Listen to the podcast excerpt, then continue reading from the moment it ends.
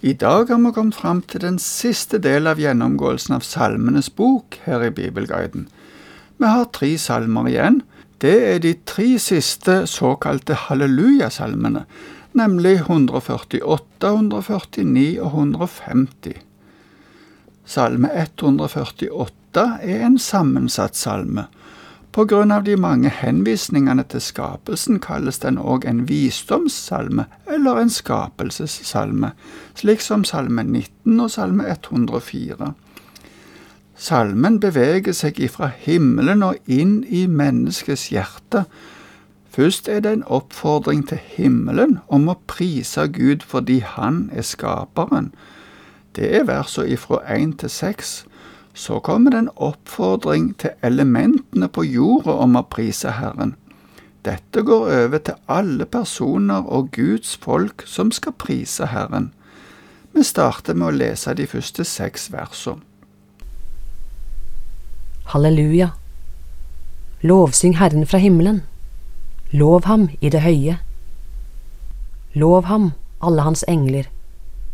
Lov ham, hele hans hær. Lov ham, sol og måne. Lov ham, alle lysende stjerner. Lov ham, du høyeste himmel, og vannet over himmelen. De skal lovsynge Herrens navn, for han befalte, og de ble skapt. Han ga dem sin plass for alltid, bestemte en ordning som ikke forgår. Hele universet blir oppfordret til å lovprise Herren, det starta med englene og alle himmelske vesener.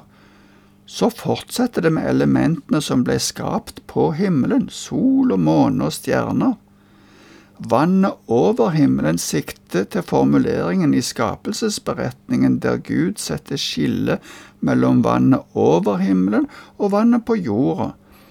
Det er vanlig å tolke dette som skyene som beveger seg på himmelen, og som er fulle av vann. Noen mener òg at det før vannflommen på Noas tid var en annen struktur, slik at vannet var nærmest som en utspent iskuppel rundt hele jorda, og at det som skjedde med vannflommen, var at denne kuppelen brast slik at isen blei til enorme mengder med vann som kom ned over jorda og laga flommen.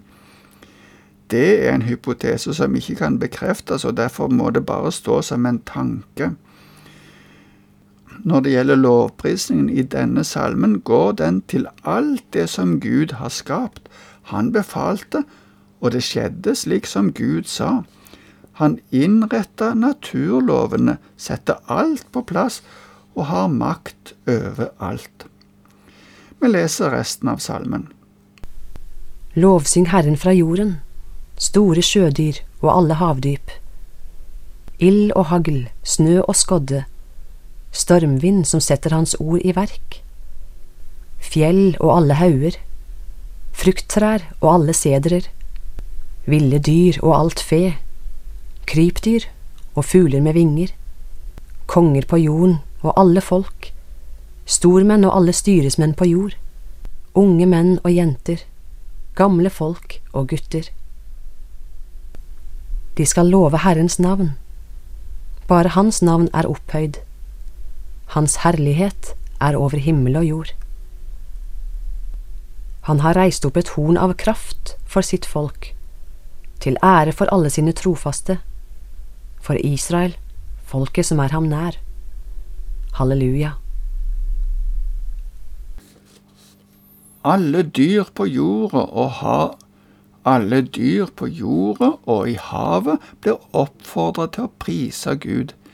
Ild sikter nok til vulkaner, ellers fortsetter salmen med forskjellige naturfenomener, går videre til formasjonene som fjell og daler, og videre til det som vokser. Det er da frukttrær og andre trær. Etter det sendes ballen videre til alle slags dyr og fugler, før det kommer til menneskene. Her nevnes først de som har viktige stillinger, som konger og stormenn. Det er rett at de går foran med et godt eksempel. Så nevnes de vanlige folka som unge menn og jenter, og så gamle folk og gutter. alle skal love Herrens navn. I det siste verset sies det at Herren har reist opp et horn av kraft. Da ser en for seg et dyr som har stor kraft i hornet sitt.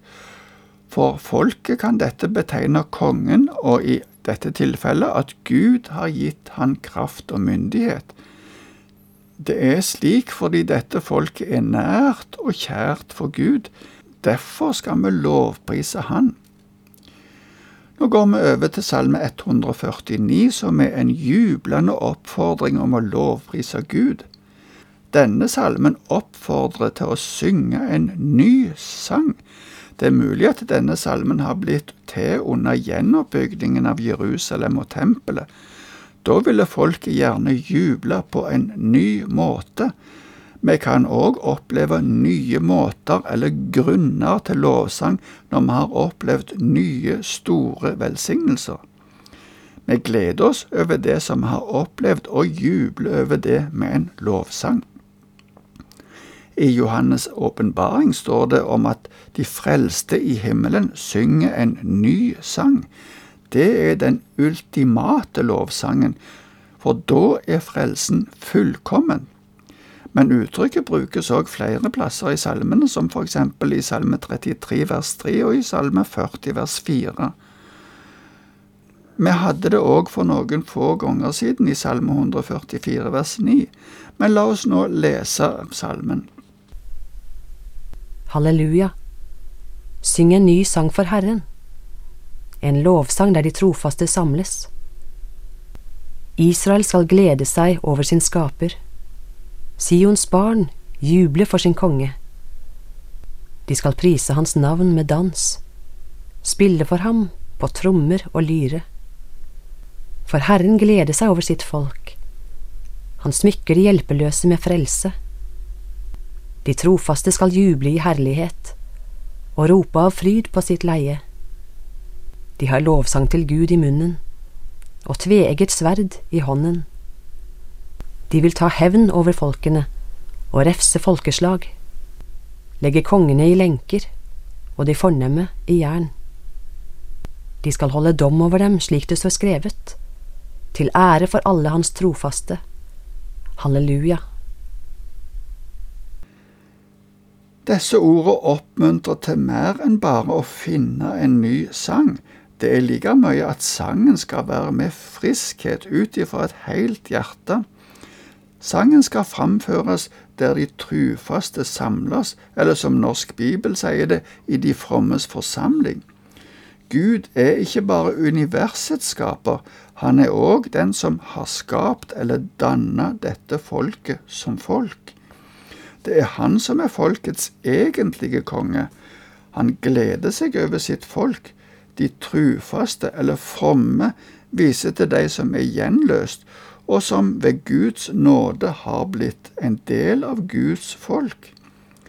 Frelsen har blitt gitt til de hjelpeløse. Det er grunn til lovsang. På Nehemjas tid var det nødvendig å ha sverdet tilgjengelig, for det var mange fiender som var imot at muren ble bygd men allikevel kunne folket glede seg over det de gjorde, og at Herren var med de i arbeidet. Gleden i Herren er deres styrke, sa Nehemja til folket. Akkurat ordet om sverdet blir tolka litt forskjellig. Noen tenker at Guds ord er som et tveegga sverd som trenger igjennom og kløyver hjertets tanker og råd. Guds ord virker både dom og frelse, alt etter hvordan en forholder seg til det. Vi skal ikke fundere mer på det, men ser på slutten av salmen at dommen vil bli fullført, og det vil bli til ære for hans trofaste. Så slutter denne salmen med halleluja, som betyr pris Herren. Nå skal vi se på den siste salmen, nemlig salme 150. Den er òg en hallelujasalme, en lovprisningssalme. Den legger vekt på hvor og hvordan Herren skal lovprises. Men før vi sier mer om den, så skal vi lese salmen. Halleluja. Lovsyng Gud i hans helligdom. Lov ham i hans mektige hvelving. Lov ham for hans storverk. Lov ham for hans store velde. Lov ham med gjallende horn. Lov ham med harpe og lyre. Lov ham med trommer og dans. Lov ham med strengespill og fløyte. Lov ham til tonende cymbaler. Lov ham med rungende cymbaler. Alt som har ånde, skal love Herren. Halleluja.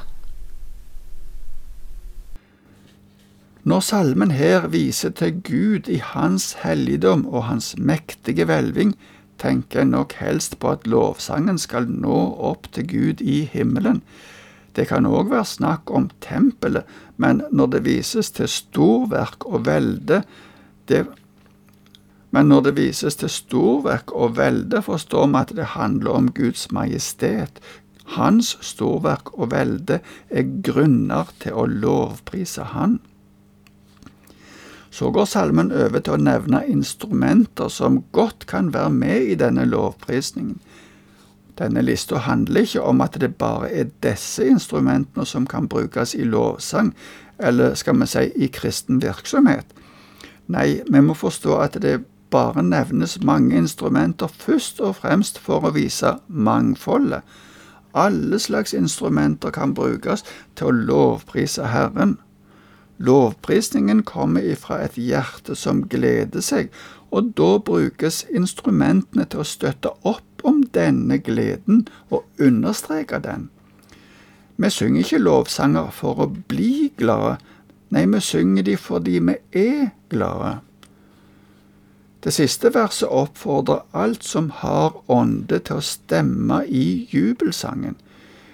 Det kan henvise til at da Gud skapte mennesket, blåste han sin ånd inn i nesen på det.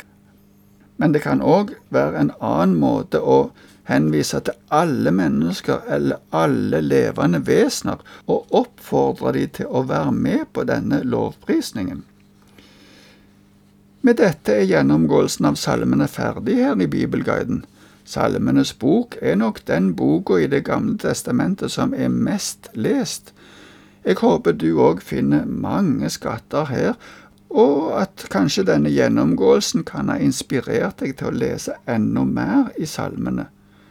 Til slutt vil jeg bare ønske at Herrens velsignelse vil være over deg. Takk for følget i Salmenes bok.